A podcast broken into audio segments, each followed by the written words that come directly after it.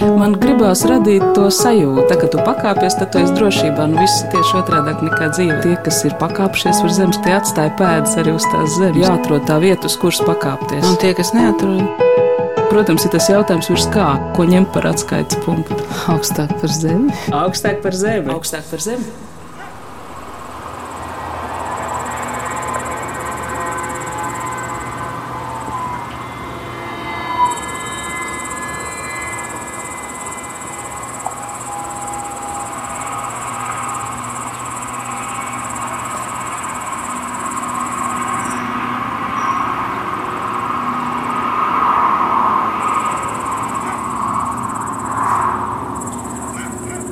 Esiet sveicināti!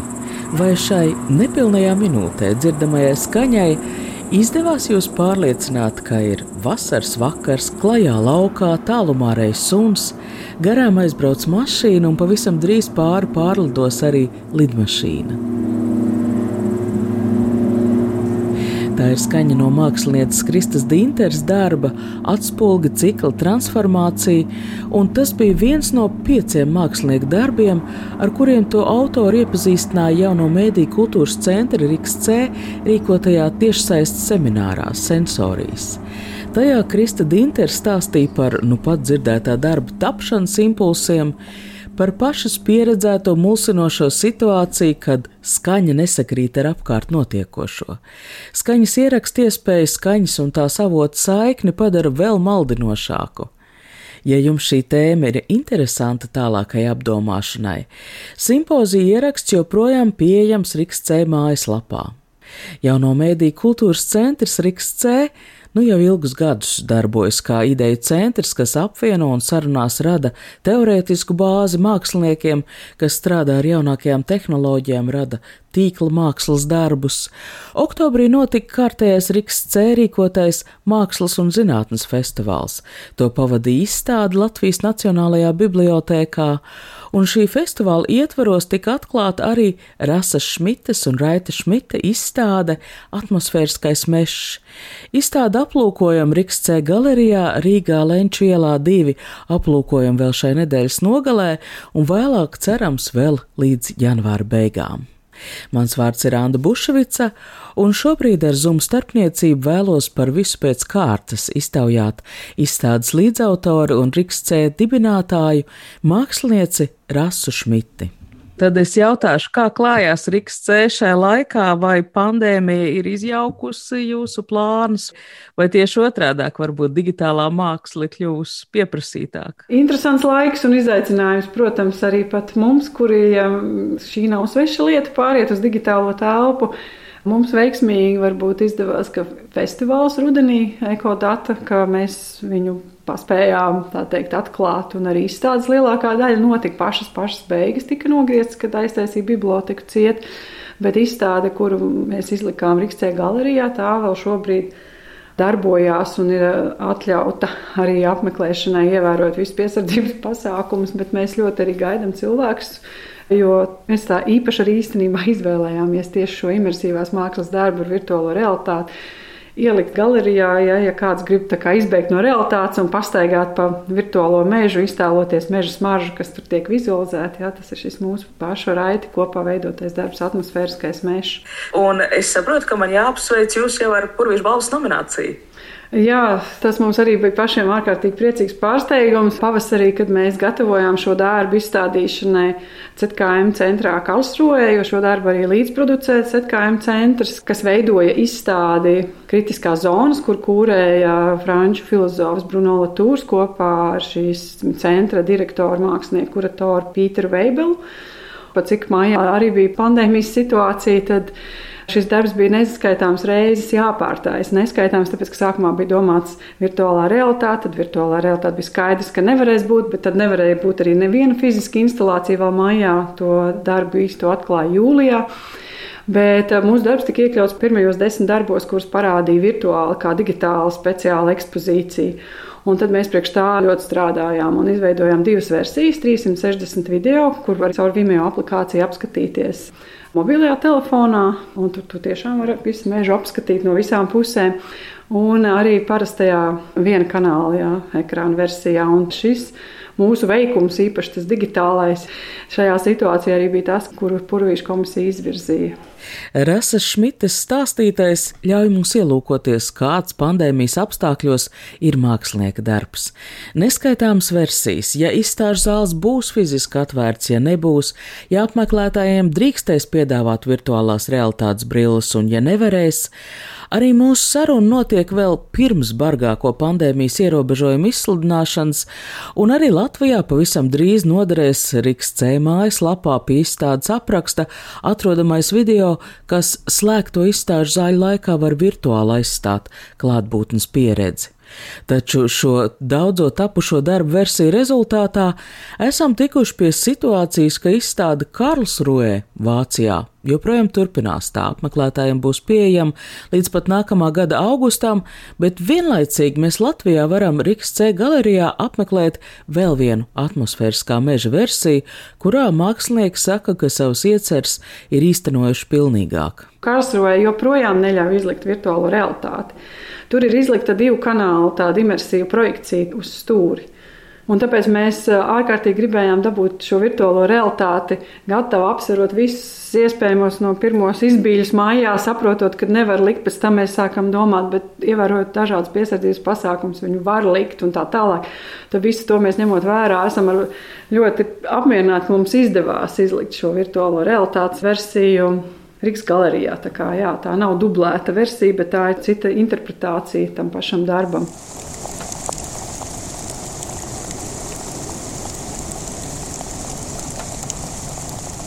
Virtuālās realitātes brilles pirms katra apmeklētāja tiek dezinficētas, patiešām rada spēcīgu pārdzīvojumu. Tās uzliekot ar prātu, es it kā skaidri saprotu, ka neesmu izkustējusies ne par centimetru. Tomēr galva man sareipst, kad kopā ar drona attēlu uzlidoju egļu galotnēs un ieraugu to, kas ar ikdienas redzi nav saskatāms, kā sveķi priežu stumbros dveš smaržu, kā vakarā no zemes ceļas mitrums jo īpaši laikmetīgās mākslas izstādēs milzīgs pluss, ja galerijā ir kāds, kurš spēj iepazīstināt ar izstādi, atbildēt uz jautājumiem. Riks C galerijā tā ir, man laipni sagaidīja Līva Siliņa, un cerot, ka janvāra otrajā pusē izstādi Riks C galerijā tomēr būs iespējams apmeklēt, vismaz ar rādio starpniecību grib radīt jums klātbūtnes sajūtu. Šī ir Rašmits un Aitšmita izstāde atmosfēriskais mežs kas balstīja trīs gadus ilgušā pētījumā Šveicē Zīmvaldes mežos. Un, ko šie meži ir īpaši, ilgu laiku cieši no saules un klimata pārmaiņām. Līdz ar to tas jau kādus 20 gadus izpētes objektu zinātniekiem, kas pēta klimata, klimata pārmaiņu ietekmi uz vidi un mežu. Un, jā, tas, ko šī pētījuma ietvaros mākslinieki sadarbībā ar zinātniekiem uzzināja, ir tāda interesanta saistība starp gaistošām emisijām, klimata pārmaiņām un kokiem. Un viņi uzzināja to, ka šīs gaistošās emisijas ir bieži smarža, vairāk tiek izplatītas tieši tad, ja koki vairāk cieš no karstuma un klimata pārmaiņām. Šeit redzamas datu vizualizācijas par šīm gaistošām emisijām, kā arī par citiem datiem, kas tika iegūti pētījuma ietvaros. Mēs redzam smaržu, Šajā fragmentiņā smāža vēl gluži nav ir redzama nākošajos fragmentos, ko jūs pēc tam varēsiet apskatīties. Tie ir pagaidām redzami citi dati. Piemēram, tas, kas ir pie zemes, tie vizualizēti dati par augstnes mitrumu. Kamēr tās baltās kustīgās daļiņas gaisā, tas atkal ir gaisa mitrums.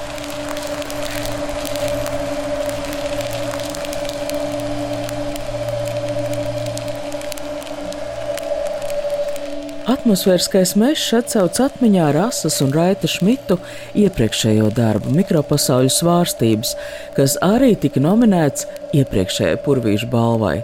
Līdz ar to pagājušajā gadā tas bija aplūkojams Purvīšu balvas nominantu izstādē Nacionālajā Mākslas muzejā. Abos darbos daudz līdzīgi. Tā tad ir siena, uz kuras tiek rādīta dabas ainava, to pašu filmiņu tikai 360 grādu leņķī. Iespējams redzēt virtuālās realitātes brillēs. Izstādē ir arī divi televizori, vienā iespējams noskatīties vides pētnieku stāstījumu par vidas pārmaiņām Alpu mežos, otrā Rasas Šmitas eksperimenti ar skujkoku sveķiem, un to rezultātu aplūkojam vitrīnā.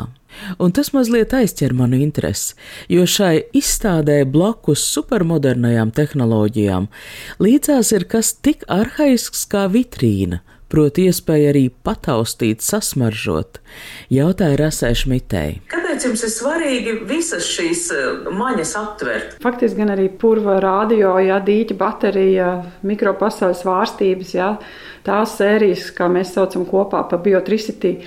No tiem darbiem mums arī bija dažādas šīs interpretācijas, bet mums pat ir pat jaunākā versija, kur tagad arī tikko bija Kanādā izstādīta un tikko atkal dēļ pandēmijas viņai beidzās izstādīšanas laiks ātrāk pa mēnesi nekā bija paredzēts. Tajā mēs pat bijām izlikuši versiju, kurā mēs likām kājām staigājam pa purvu, jo mums, domājot par to elektrību, ko rada baktērijas, kas dzīvo dziļi dūņās, piemēram, iekšā, ja, un ka šī interesantā tehnoloģija, ka tu vari savienot viņus kopā ar, ar skābekli, caur elektrodiem un, un, un tīru ūdeni un iegūt nelielas elektrības daudzumu, ja, Tad mums likās vienmēr svarīgi arī pašiem aiziet fiziski un pieredzēt to un, un sajust šo vidi.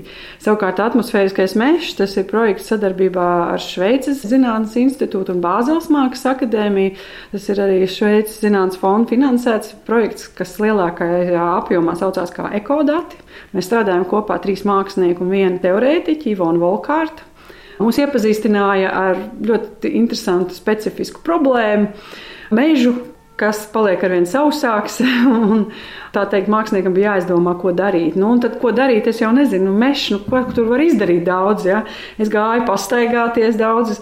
Un tad es gāju un domāju, interesanti, tur tie sveķi. Ja?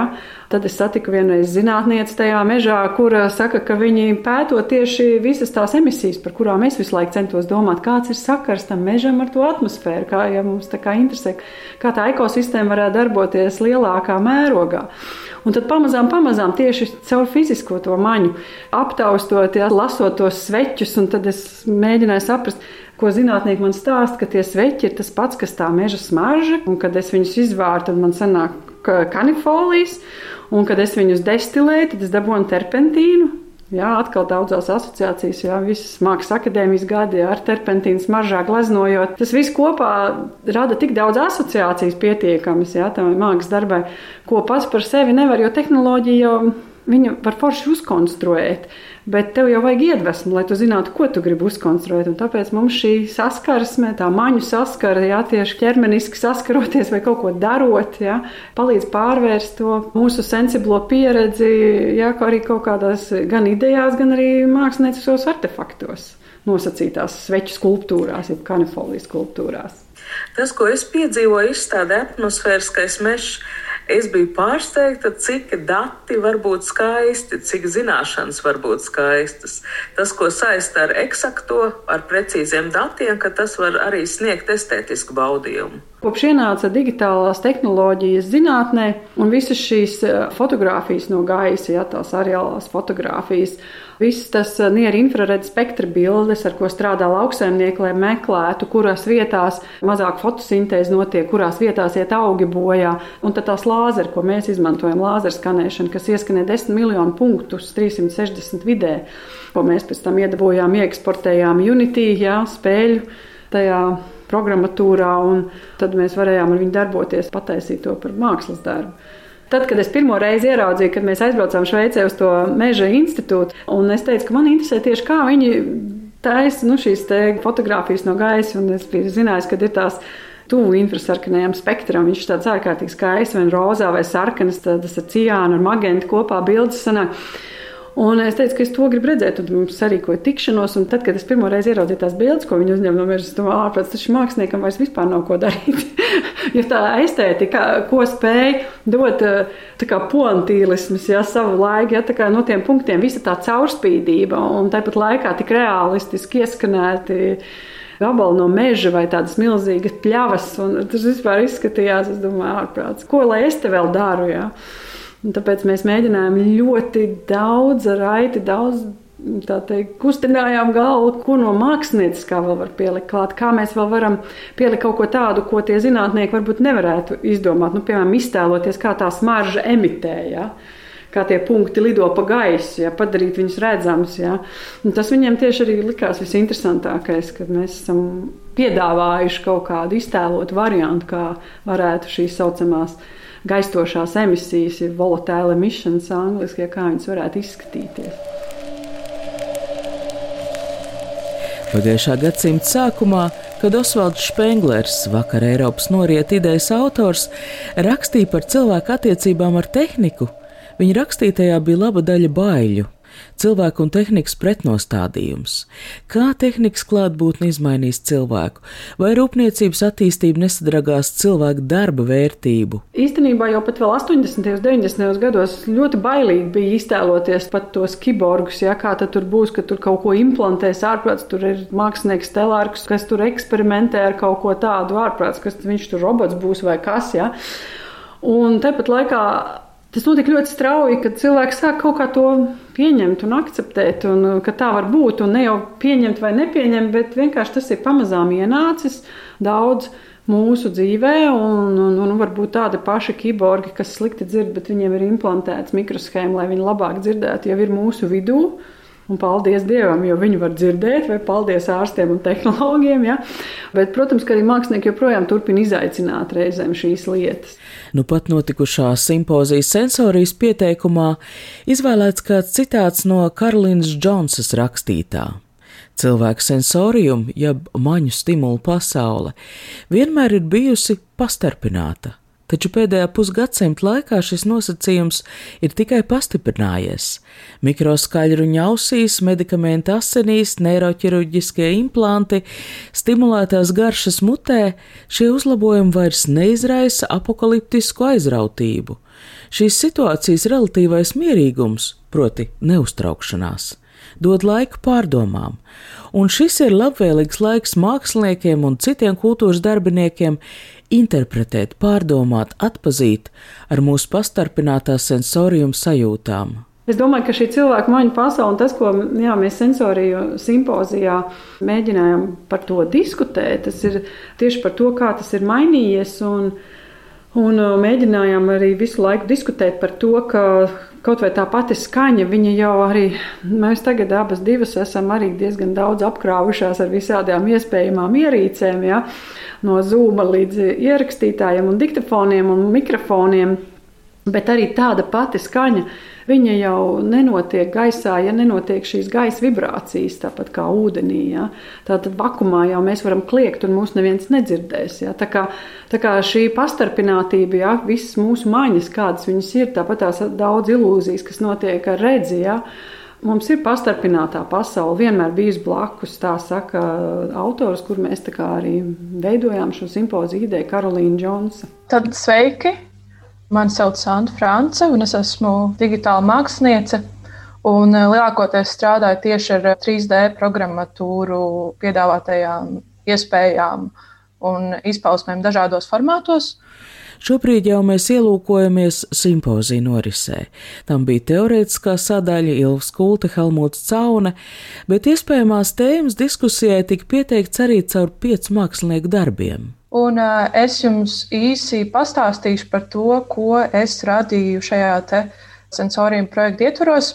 Projekta ideja man radās no personīgās pieredzes, kad es braucu sabiedriskajā transportā Un, uh, klausoties mūziku, man pēkšņi pārstāja darboties viena no austiņām, un vairs nebija iespējams uzturēt šo audio imersivitāti. Kas man tajā brīdī bija diezgan būtiski, jo es centos ātrāk pavadīt uh, laiku, kā arī sevi norobežot no šīs publiskās telpas. Šobrīd Berlīnē dzīvojošā māksliniece savā darbā pārāvums viens vērš uzmanību uz to, cik mūsdienās cilvēkiem kļūsi būtiska iespēja bloķēt apkārt esošās vidas skaņas, aizstāt tās ar sev vēlamu audio, ierīces ir ieņēmušas saudabīga emocionāla atbalsta punktu lomu un arī uz to, kā šī imersivitāte tiek negaidīti pārauta tehnoloģiju darbības traucējumu dēļ, nu, piemēram, atstājot tikai pusi no cilvēku maņām. Par to, ka tā ir universāla pieredze, arī liecina šis te interneta kultūras, teikt, fenomens, kuram pat ir savs sadaļa šajā Urban uh, Dictionary, šis te teikums, My left ear enjoyed this video jeb latviešu tas būtu manai kreisajai ausī patikušas video. Tas ir um, atrodams kā YouTube komentārs, kam, protams, ir gan komiska nozīme, gan arī sava veida būtiska funkcija. Jo šādu video bieži var atrast zem uh, Šādu komentāru var atrast zem YouTube video, kur es saprotu, ka šis simpozijas bija arī nu, tāds ievada pasākums jau nākamā gada RXC mākslas un zinātnes festivālam, kura viena no tēmām būs sensorija. Nākošā gada festivāls RXC notiks no 23. līdz 26. septembrim, un mēs jau esam gribējām jau šī gada beigās, jo visa sagatavošanās virtuālā un hibrīdā pasākuma organizēšanā prasa vairāk laika, tā kā mēs ļoti laicīgi jau gribējām paziņot šos datumus un arī to, ka mums būs šīs tēmas turpinājums. Savukārt pats projekts sensorijas tapa ļoti īsā laikā. Tāpat diezgan vērienīgi. Tas bija arī pateicoties Valsts kultūra kapitāla fonda speciālajām mērķprogrammām.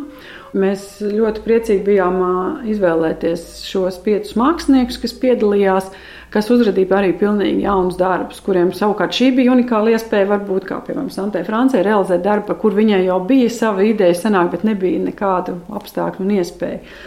Tāpat tāpat divi citi jauni darbi, arī divi skaņu mākslas darbi, kas man liekas ārkārtīgi interesanti. Apskata gan mūsu dzirdamo, redzamo un neredzamo jā, maņu pasauli, jā, Krista Dintere un Ivo Tauriņš. Mana diena šodien sākās kā skaņu inženierim. Pēcpusdienā es biju skaņu režisors un vakarā jau skaņu mākslinieks. Tas tā, ja gribat zināt, kas es šodien esmu. Tātad mans darbs trokšņu tehnokrātija Es šī darba kontekstā ar tehnokrātiju saprotu mūsdienu tehnoloģijas sniegtās iespējas kādu jautājumu izzināšanā. Tehnizācijas nozīme sabiedrības attīstībā, kas ļaus piekļūt līdz šīm neapgūtām zināšanām. Tam ir izpētīts, ka cilvēks dzird parasti no 20 Hz līdz 20 kHz. Taču, kā jau mēs dzirdējām pēc Elēnas stāstītā, kad ar dažādu tehnoloģiju palīdzību tiek aktualizēt tādu ideju, ka cilvēks savus smaņu apgāšanas varēs paplašināt vai vismaz radīt virtuālas vēl nebijušas apkārtējās pasaules uztveres pieredzes. Un, protams, dzirde nav izņēmums šajā ziņā.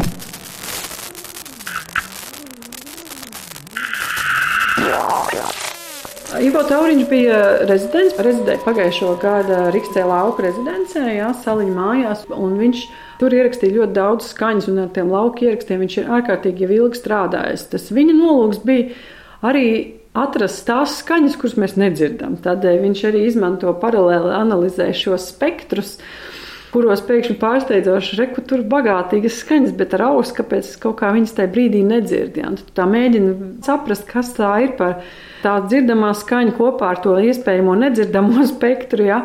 Kristīna Krausas un viņas darba materiālā visam vibrācijas zelta slāpes. Kristīna, vai tu esi šeit, vai tu esi gatava? Jā, esmu, jā. Man, manā darbībā lielākoties interesē lieta materialitāte. Un būtībā darbs ir veltīts tādam kā situatīvam paradoksam, kurā apvienojas trīs lietas.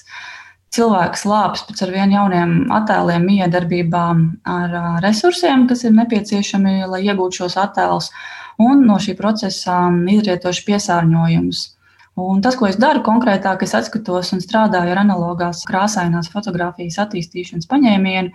Kristīnai ļoti interesē tēmas arī par ekoloģiju Kristīnai interesē atrast um, dažādas um, teorētiskas un filozofiskas pamatojumus, lai radītu varbūt kaut kādas spekulatīvas vīzijas. Un arī jaunajā darbā Kristīna ir, kur ar ūdeni un ķīmijām ir veidojusi tā tādus attēlus jā, ar fotopapīru jā, un gaismu, lai iegūtu tādus interesantus kaut kādus daļēji paredzamus un daļēji arī ūdens pats plūst, jā, dažādu veidu attēlus. Kristīna mēģina domāt līdzi, varbūt, kas ar šo visu ķīmiju, kas ir viņa pusē tā, kad, kad viņš tas viss aiztek, ja kaut kādos notekās, zemēs un tā tālāk. Nu jā, kā jūs kā droši vien redzat manā Zoom profilā, man sauc Saules misijas. Kā jau zināms, 2020 gads bija diezgan auglīgs virtuālām izstādēm. Man arī sanāca vienā piedalīties. Daudz ko sanāca darīt, diezgan liela avantūra. Alvis vairāk spēlējās ar to redzes uh, un vizuālo uztveri. Mēs pieejot tuvāk priekšmetiem, redzam viņus asāk. Ko tas nozīmē, ka mēs redzam asāk vai redzam mazāk asi tālākos? Tas nozīmē, ka pārnesot to 3D tādā izpratnē, tiem priekšmetiem vienkārši ir ļoti maz tās saucamās šķautnes, jā, lai viņas nolasītu, kas tie pa priekšmetiem. Tad Alvis izmanto šo pieeju, ka viņš apvērtē to ideju, un viņš mēģināja izveidot otrādi, ka tajā brīdī, kad tu gribi pieiet tuvāk, apstīties, kas tas ir par tādu priekšmetu, tu pieejot tuvāk, saproti, ka viņš ar vienu pazūd viņam vispār forma. Viņam paliek ar vien mazāk šīs šķautnes, ja? un no tā, ka tev sākumā likās, ka tā būs vai nu kāda skulptūra vai kāds vēl objekts, ja? kad tu pieiet klāt, saproti, ka tu vairs nesaproti, kas tas ir. Šajā simpozijā mākslinieki par saviem darbiem stāsta paši, taču paralēli tap arī plašākas intervijas, un tas ir labs veids, kā sarunā ar citās jomās mītošajiem labāk saprast šo mākslinieku darbus, viņu domāšanas veidu. Šīs intervijas, ko veica Helmuts Cauna un Ilva Skulte, kur tās būs redzamas, kā tās tiks izmantotas? Nu, šobrīd top līdzās sensorija projektam arī vēl viens projekts, kas būs jauna digitālā platforma uz XC bāzes, kur būs ļoti maz informācijas, bet ļoti daudz mākslas, kā tādas satura. Ieskaitot šos intervijas ar māksliniekiem, ieskatu viņu darbos. Arī šie pieci sensorija mākslas darbi tiks izvietoti šajā platformā. Šie darbi, ko viņi ir unikāli, jā, tas, ka viņi ir tieši radīti šim nolūkam. Jā, tā kā tāda jauna veida tīklā bāzēti darbi, kuriem arī pastāv interpretēt viņus pārcelt uz fizisko telpu, jo, teiksim, izlikt arī fiziskā izstādē nākošā gada laikā.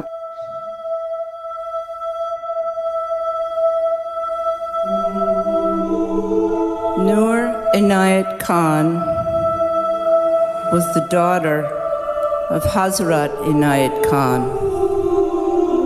who brought Sufism to the West. Simpozijā sensorijas starptautisku mērogu ieviesa laikmatīgo mediju mākslinieces, kritiķis, kurators un rakstnieces Elēnas Pērlmans dalība. Viņa iepazīstināja ar savu interaktīvo un imersīvo operu Noru. Viņa pat to nosauc par smadzeņu operu. Skan soprāna dziedājums, klāt tiek likts vārds, skan stāstījums par notikumiem Otrā pasaules kara laikā, un paralēli uz ekrāna vizualizēta cilvēka smadzeņu darbība. Kā tajās izskatās prieka, līdzjūtības, baiļu, skumju impulsi. The world I knew changed all of a sudden with war. We.